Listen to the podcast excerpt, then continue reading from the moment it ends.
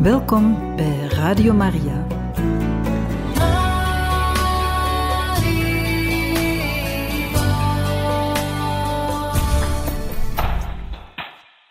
Van harte welkom, beste luisteraars van Radio Maria, bij het programma Catechismus.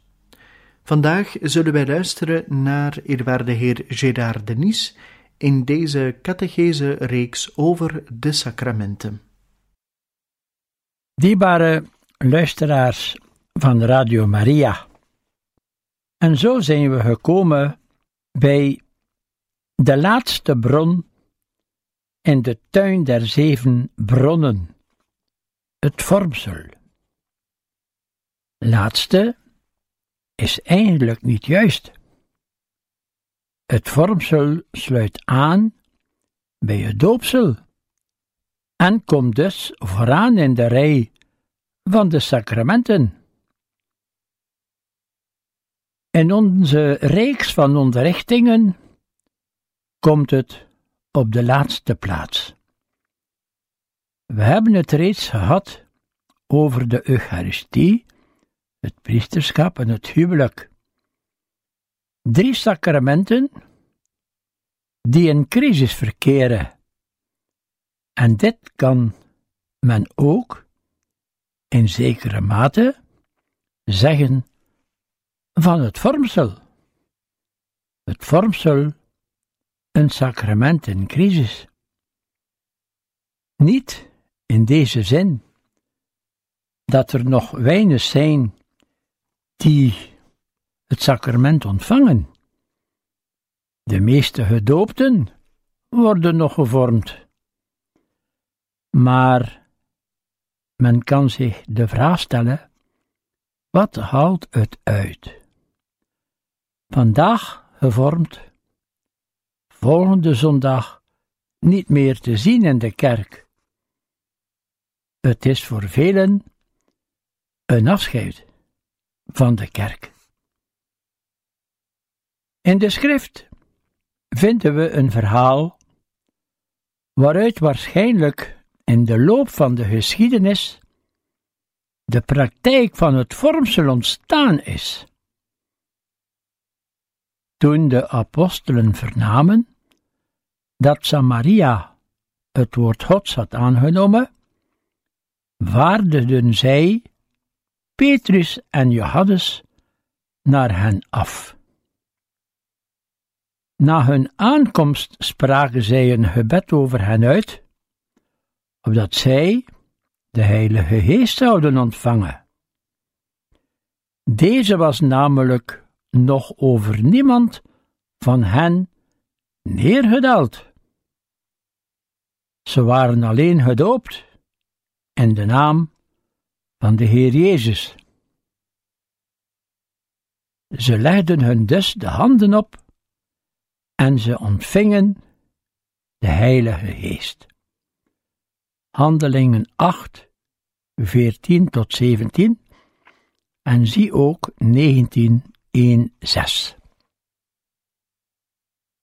Er is hier sprake van een geesteshave die verschilt van het doopsel. Ook bij het doopsel wordt de Heilige Geest meegedeeld. Maar hier is de geesteshave die de leerlingen ontvangen iets aparts, iets helemaal nieuws.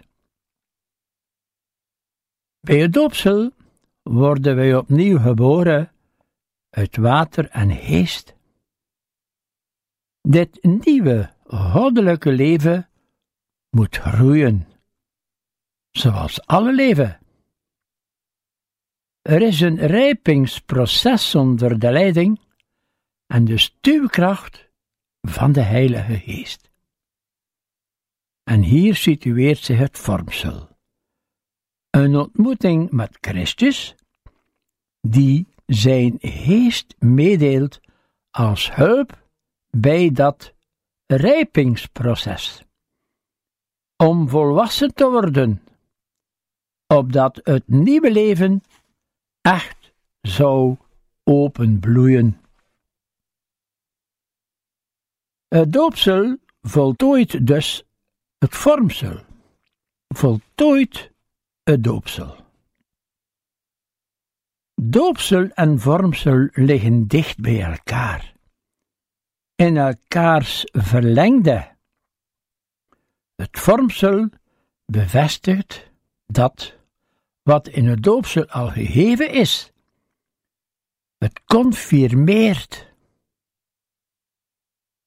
De verhouding tussen doopsel en vormsel wordt door kardinaal Daneels met drie beelden toegelicht, drie vergelijkingen. Het gaat tenslotte toch altijd over het paasmysterie van Jezus. Pasen is Jezus verrezen en kracht gesteld. Pinksteren, die kracht is naar buiten gekomen in werkelijkheid en gedreven door de geest. In de doopsel is het goddelijk leven en de kiem aanwezig.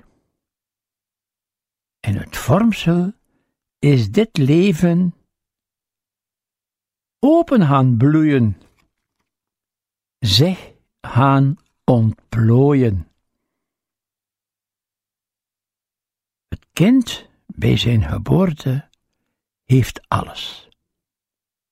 Verstand, wil, hart, verbeelding. Maar alles sluimert.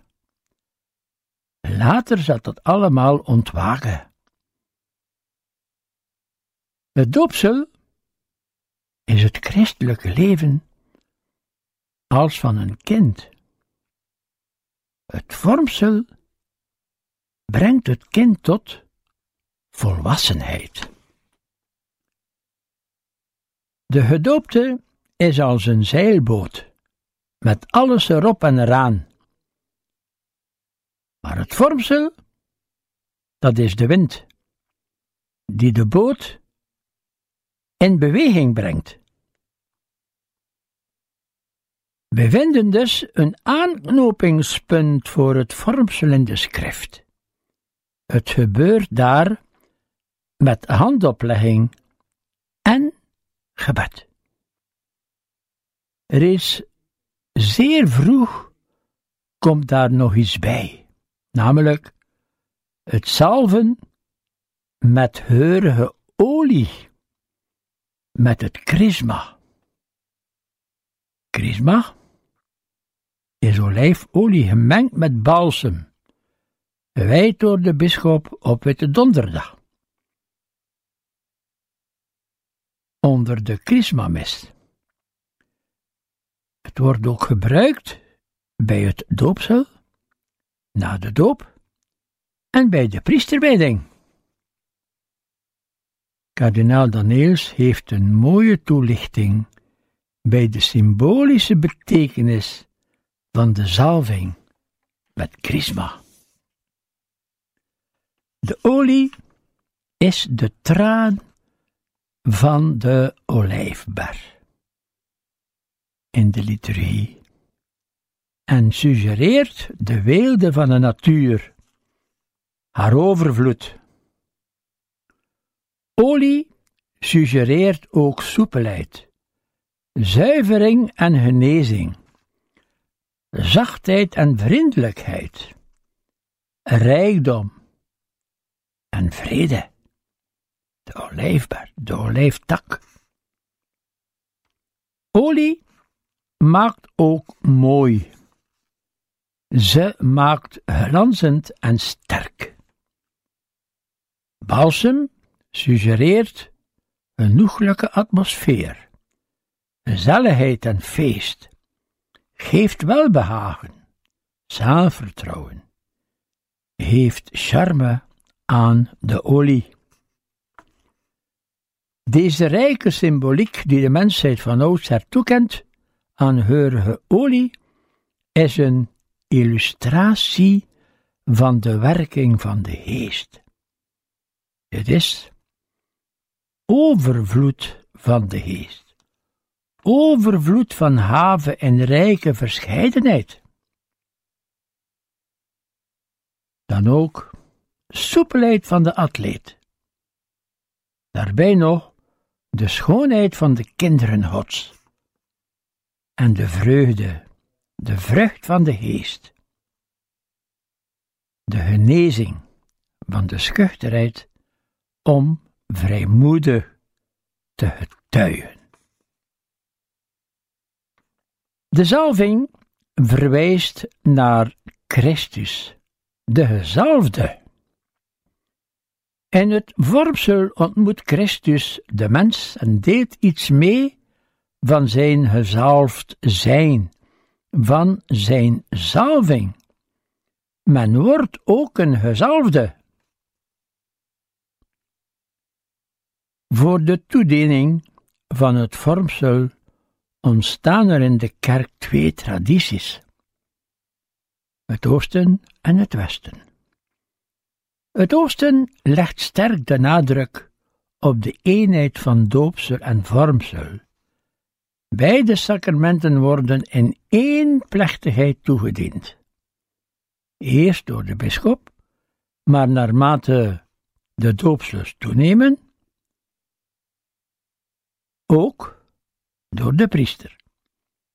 Bijvoorbeeld vooral in de parochies buiten de stad.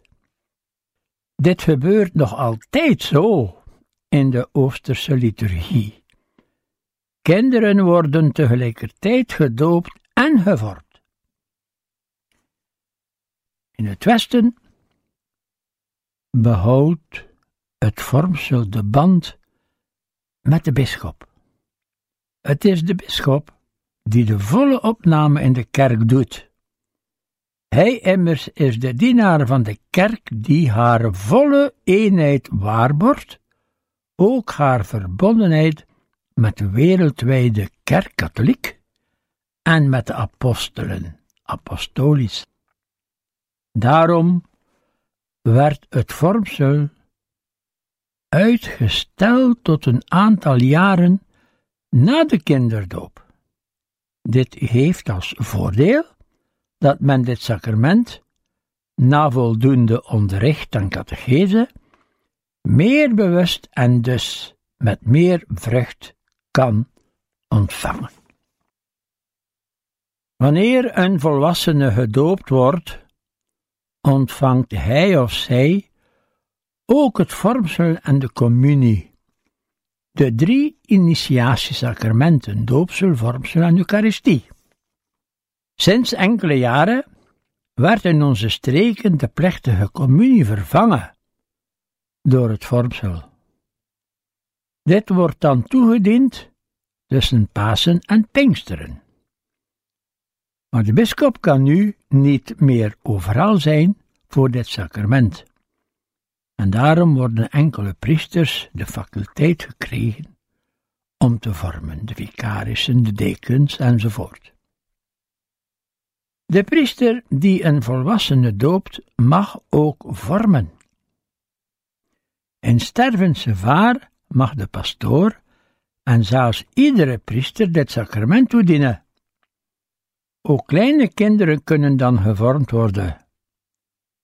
Buiten stervensgevaar zijn er voorwaarden om geoorloofd het sacrament te ontvangen, namelijk gebruik van verstand, degelijk onderricht, juiste gesteltenis, in staat de doopbeloften te kunnen vernieuwen.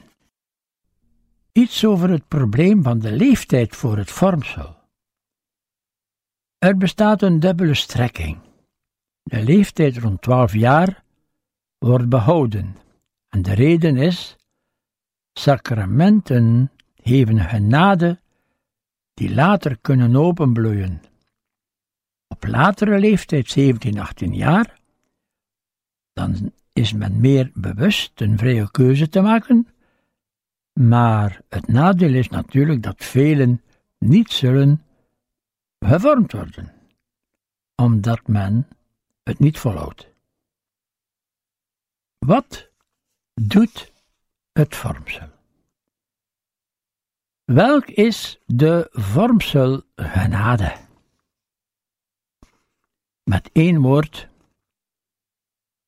wat op Pinksteren met de leerlingen gebeurde, namelijk de volle uitstorting van de Heilige Geest, zegt kardinaal Daniels. Dat is hetgeen er met het vormsel gebeurt. Dit gebeurt nu wel niet zo manifest en zichtbaar als met het eerste Pinksterwonder. Volle uitstorting van de geest, een waaier van haven. Om het wat overzichtelijk te maken, zou ik de werking van de Heilige Geest bij het vormsel willen verdelen en rangschikken in drie groepen.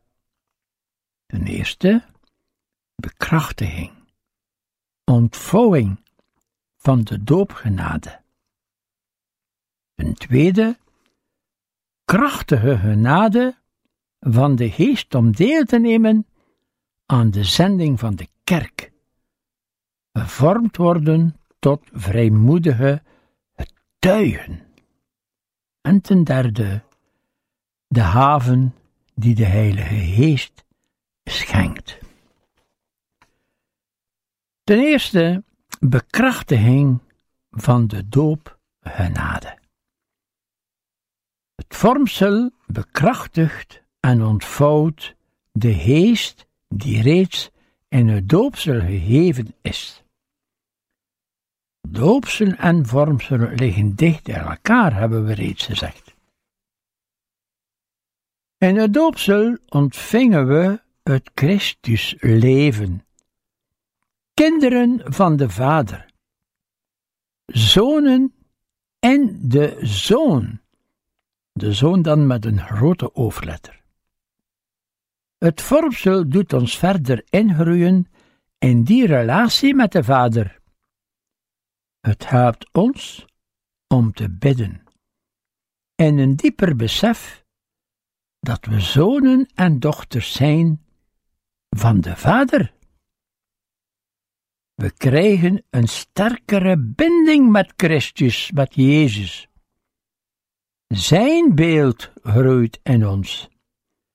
We krijgen zijn gedachten, zijn wil, zijn gevoelens. Wij groeien in de gezindheid van Jezus. We worden meer christen. Een tweede, krachtige genade om deel te nemen aan de zending van de kerk. Gevormd tot vrijmoedige getuigen van Christus. Het vormsel maakt iemand tot volwassen lid van de kerk, zodat hij kan en durft spreken en getuigen. Vrijmoedig opkomt voor de zaak van Jezus, zich niet schaamt voor Christus en zijn kruis. De vrijmoedigheid was de diepste verandering die de Geest bewerkte in de apostelen op Pinksterdag. Wij hebben dringend die haven nodig. Zij is ons gegeven in het vormsel, maar ze komt niet of onvoldoende tot ontplooiing. Ze zit, als het ware, gevangen. Wij zijn soms zo bang om uit te komen voor ons geloof. Onder eensgezinden haat dat nog een beetje en hun gebedsroep bijvoorbeeld. Maar daarbuiten? Wij zijn bang om door te gaan als conservatief, bekrompen, naïef. Er is zoveel menselijk opzicht dat ons verlamt. Wat gaan ze wel van mij denken? Onze kerk heeft nood aan vrijmoedige verkondigers tegenover de moderne, geseculariseerde heidenen. Dit speciaal charisma zal wel niet aan iedereen, aan iedereen gegeven zijn, maar we moeten bidden dat er zulke mensen zouden opstaan raakt en gesterkt door de geest om het evangelie te verkondigen in deze heidens geworden wereld.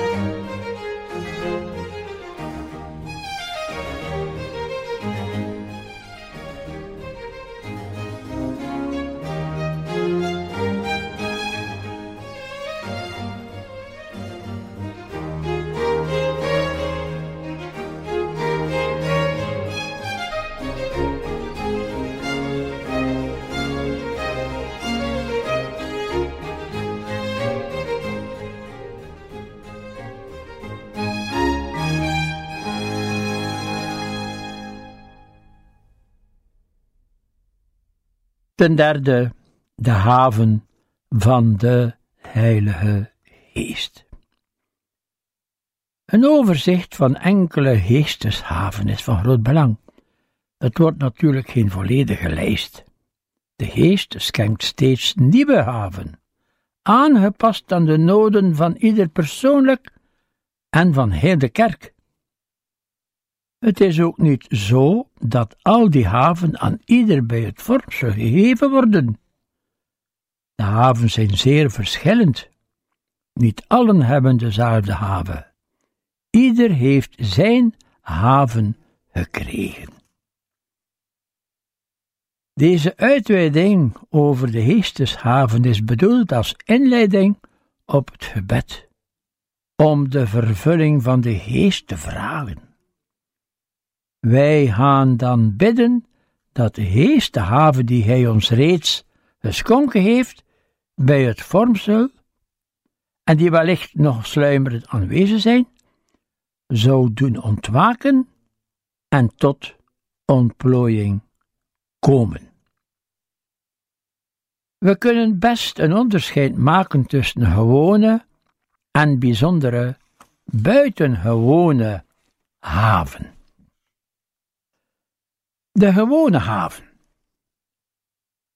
Er bestaan haven, charisma's, die geen opzienbare, gewone, doodgewone haven. Paulus heeft hier een speciale naam voor. Hij zegt de vruchten van de geest. Iedereen kan ze ontvangen, persoonlijk en in gemeenschap.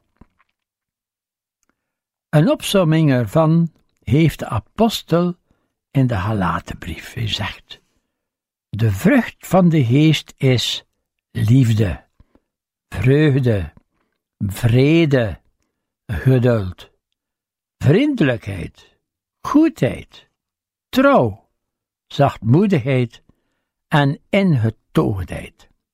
Halaten 5, 22. Het zijn zachte krachten, ongespierde deuden, niets voor managers. Elders in de brieven van Paulus vind je nog andere benamingen, allemaal min of meer synoniem van elkaar. Goedheid, rechtigheid, waarheid. Efeziër 5:9. Rechtigheid, vroomheid, geloof, liefde, volharding, zachtheid. 1 Timotheus 6:11. Rechtigheid, vrede, vreugde in de Heilige Geest. Romeinen 14:7. Zuiverheid, wetenschap, geduld, goedheid door de Heilige Geest, liefde zonder veinzerij, woord van waarheid, kracht van God. 2 Korintiërs 6, 6, 7. Eigenlijk gaat het hier om steeds nieuwe namen voor de liefde. Het gaat altijd over de liefde. En alles wat er ronddraait zijn synoniemen van de liefde, zoals Paulus die beschrijft en wat wij het hooglied van die liefde noemen. 1 Korintiërs 13, 4 tot 7. Men kan deze lijst van Paulus nog aanvullen met wat men de gewone haven van hart en geest kan noemen. In de nieuwe catechismus vindt men hierover een erg mooie passus.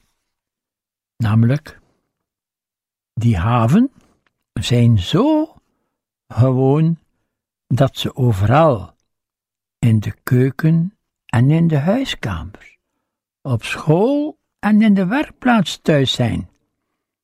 Zo is de Heilige Geest aanwezig in het gewoonste, de christelijke liefde, opdat er niets groters dan dit gewoonste bestaat. Het gewoonste, omdat er niets groters dan dit gewoonste bestaat. De lijst van Paulus zou je nog kunnen verlengen met de beschrijving van het christelijke leven. Verborgen trouw, zaafvergeten goedheid. Die zieke zusters van Waleer, die levenslang 24 op 24 uren een zieke verzorgden. Plicht, zonder veel woorden onwrikbaar vertrouwen van de zondaar dat Gods hart groter is. Volharding in de bekoringen, warme goedheid voor een buur en nood, echte liefde tot God, brandend houden van het stille gebed, geduld en pijn. De vreugde van een goed geweten. Dat is het huidige werk van de geest, lezen wij in de Nieuwe Catechismus, bladzijde 232. De geest werkt meestal in de lijn van onze uiterlijke behaafdheden. Hij bezielt en richt deze behaafdheden op. Schuchter, zachtmoedig, begrijpend voor de ene. En de andere, dat is een volbloed. Krult van creativiteit en van initiatieven en van volhardende inzet. Maar ze zijn alle twee behaafdheden. Ook het schuchter zijn, het zachtmoedig zijn, het begrijpend zijn zijn allemaal menselijke talenten of de Heilige Geest zelf. Daar moet men zich niet veel van afvragen.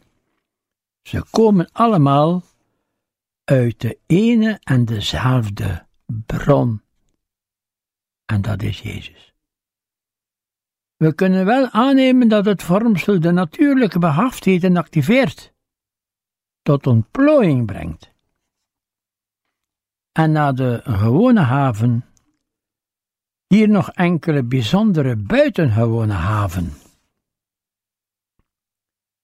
Naast de gewone haven zijn er ook bijzondere, meer opvallende haven.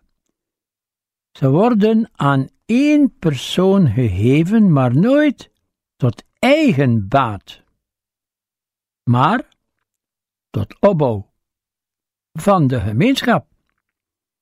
Men ontvangt ze met het oog op de vervulling van een of andere taak in dienst van het Rijk Gods. Sint Paulus noemt er verscheidene op in zijn brieven. Ze zijn er ook, er zijn er ook andere. En ze verschillen van tijd tot tijd, naar gelang de concrete noden van de gemeenschap. Ze zijn individueel, maar ze kunnen ook hele groepen bezielen. Hier enkele voorbeelden van deze bijzondere haven. En iedere tijd kent ze. De haven van leraarschap. Om de leer op een heldere wijze te kunnen uiteenzetten. Dan een theologisch inzicht, catechetische bekwaamheid, de haven van wijsheid en van evenwicht. Deze haven zijn nodig in deze tijd van verwarring en stuurloosheid. De haven van leraarschap, om de leer op een heldere wijze te kunnen uiteenzetten. Catechetisch bekwaamheid, de haven van wijsheid en van evenwicht. De haven van leiderschap. De paus en de bisschoppen hebben deze zeer nodig in deze tijd. En dan de haven van onderscheid, om te kunnen uitmaken wat van de geest komt en wat niet. In deze tijd komen voortdurend zoveel dingen op ons af, waarden en onwaarden. Wij moeten steeds opnieuw keuzes maken. We hebben nood aan iemand die helpt onderscheiden. Vooral ook op religieus gebied. Vele predikanten en huis techniekers zijn er nodig. In zoveel concrete situaties moeten we een keuze maken. Wie helpt in deze omstandigheden, die zeer complex kunnen zijn, de juiste keuzes te maken? En het antwoord is: alleen de geest. Hij is de goede raadgever, die met ons meewerkt.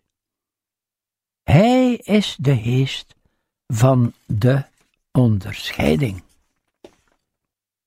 Andere haven die we in deze tijd goed kunnen gebruiken zijn bijvoorbeeld opmerkelijke dienstbaarheid tegenover het groeiend eigenbelang bij velen. En daar hebben we zeer vele voorbeelden tegenwoordig gehad en nog, bijvoorbeeld een moeder Teresa, een pater Damian. Waarachtige, doorlevende solidariteit met de armen, vrijmoedig en bevrijdend spreken. Meer opvallende haven zijn zelfs wonderen, bijvoorbeeld de haven van werkdadig geloof, dat wonderen kan doen, nodig voor de evangelisering. Confrater Marcus 16, de haven van genezing, fysische en vooral innerlijke genezing.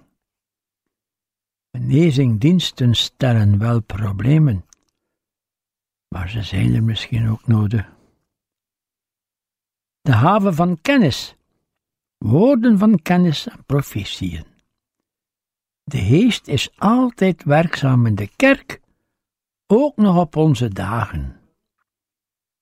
En onder de buitengewone haven die hij aan deze tijd schenkt, moeten we zeker de vele nieuwe vormen van christelijke gemeenschapsleven rekenen. Er zijn er heel wat: charismatische beweging, charismatische vernieuwing, de focolare, het neocatechumenato opus Deus Integrius beweging, enzovoort enzovoort. Kenmerken voor deze beweging zijn vooral de vernieuwing, is dat ze aandacht hebben voor de buitengewone haven van genezing en profetie. We moeten daarin geloven, ervoor openstaan en erom bidden. Wat de buitengewone bijstand van de geest betreft in deze tijd, denken we ook aan de stichtersfiguren. Een Chiara Ludwig, die de Focolare stichtte, de moeder Teresa, Roger Schutz, Jean Vanier, enzovoort, enzovoort. Ze hebben iets nieuws op gang gebracht, dat ver uitreikt boven hun talenten en bekwaamheden. Iedereen heeft zijn charisma. Bijvoorbeeld het werk van stichteres moeder Julia van Helewe. Dit was een vluchte overzicht van enkele geesteshaven. De grote haven die ons bij het vormsel geschonken is, is de Heilige Geest zelf. De Geest die werkzaam is in ons hart op velerlei wijzen. Soms heel discreet, soms op vrij duidelijke wijze. Zich die heven, zij die haven bewust blijven, zich tot die geest die in ons verblijft wenden, tot hem bidden. Aandacht hebben voor zijn inhevingen en die trachten op te volgen. Dat is zijn vormsel beleven. En we gaan nu over tot het gebed om de vervulling van de Heilige Geest. Na een sterke lofprijzing zullen we met aandrang en met een verwachtend geloof vragen dat de Geest opnieuw onder ons zou komen, bezit zou nemen van ons hart, dat Hij ons zou maken tot enthousiaste leerlingen en volgelingen van Jezus. Onder handoplegging gaan we bidden om de haven van de Geest rijkelijk te mogen ontvangen. We hebben reeds de Geest ontvangen bij het doopsel. Die haven werd opnieuw bevestigd en bekrachtigd, verdiept bij ons vormsel. Die schat, die rijkdom aan haven, is misschien nog sluimerend, wordt verhinderd om tot volle ontplooiing te komen. Maar we vragen dat de Geest alle hindernissen zou wegnemen, dat Hij zijn haven in ons tot volle ontplooiing doet komen. Het gebed voor elkaar mogen we zien in het verlengde van ons doopsel en vormsel. Het is ook een gepast slot op het einde van deze catechese, van deze onderrichtingen. Sacramenten zijn ontmoetingen met de levende Christus, die op die manier zijn heilswerk aan ons voltrekt. Velen vragen zich af, maar wat is eigenlijk de bepaling, de definitie van een sacrament? De kortste en de mooiste volgens mij is nog altijd: sacramenten zijn ontmoetingen met de levende Jezus. En het is de Geest die ons Jezus doet zien in de sacramenten. Zonder de Geest blijft Jezus veraf. Blijven de sacramenten gewone handelingen, min of meer plechtige ceremonieën. Alleen de Geest kan onze ogen en onze harten openen om Jezus aan het werk te zien in de sacramenten, om Hem te laten werken. Het is de Geest die ons doet zeggen: Jezus is de Heer. Mijn Heer en mijn God, mijn al, mijn redder. Wanneer we de hostie en de kelk onder de Eucharistie omhoog steken, kunnen we toch dat mooie gebed zeggen: Mijn Heer en mijn God? Hij doet ons verlangen om één te worden met Hem, met Jezus, om in Zijn ruimte te komen en Zijn vrede, Zijn vreugde, Zijn sterkte, Zijn vertroosting te mogen ervaren. De Geest maakt de sacramenten tot echte, authentieke ontmoetingen met de levende Heer. Daarom is het goed en heilzaam dat we deze sacramenten besluiten met ons gebed om de vervulling van de Heilige Geest. Heilige Geest, verlicht ons verstand en sterk ons om uw heilige wil te mogen doen. Amen.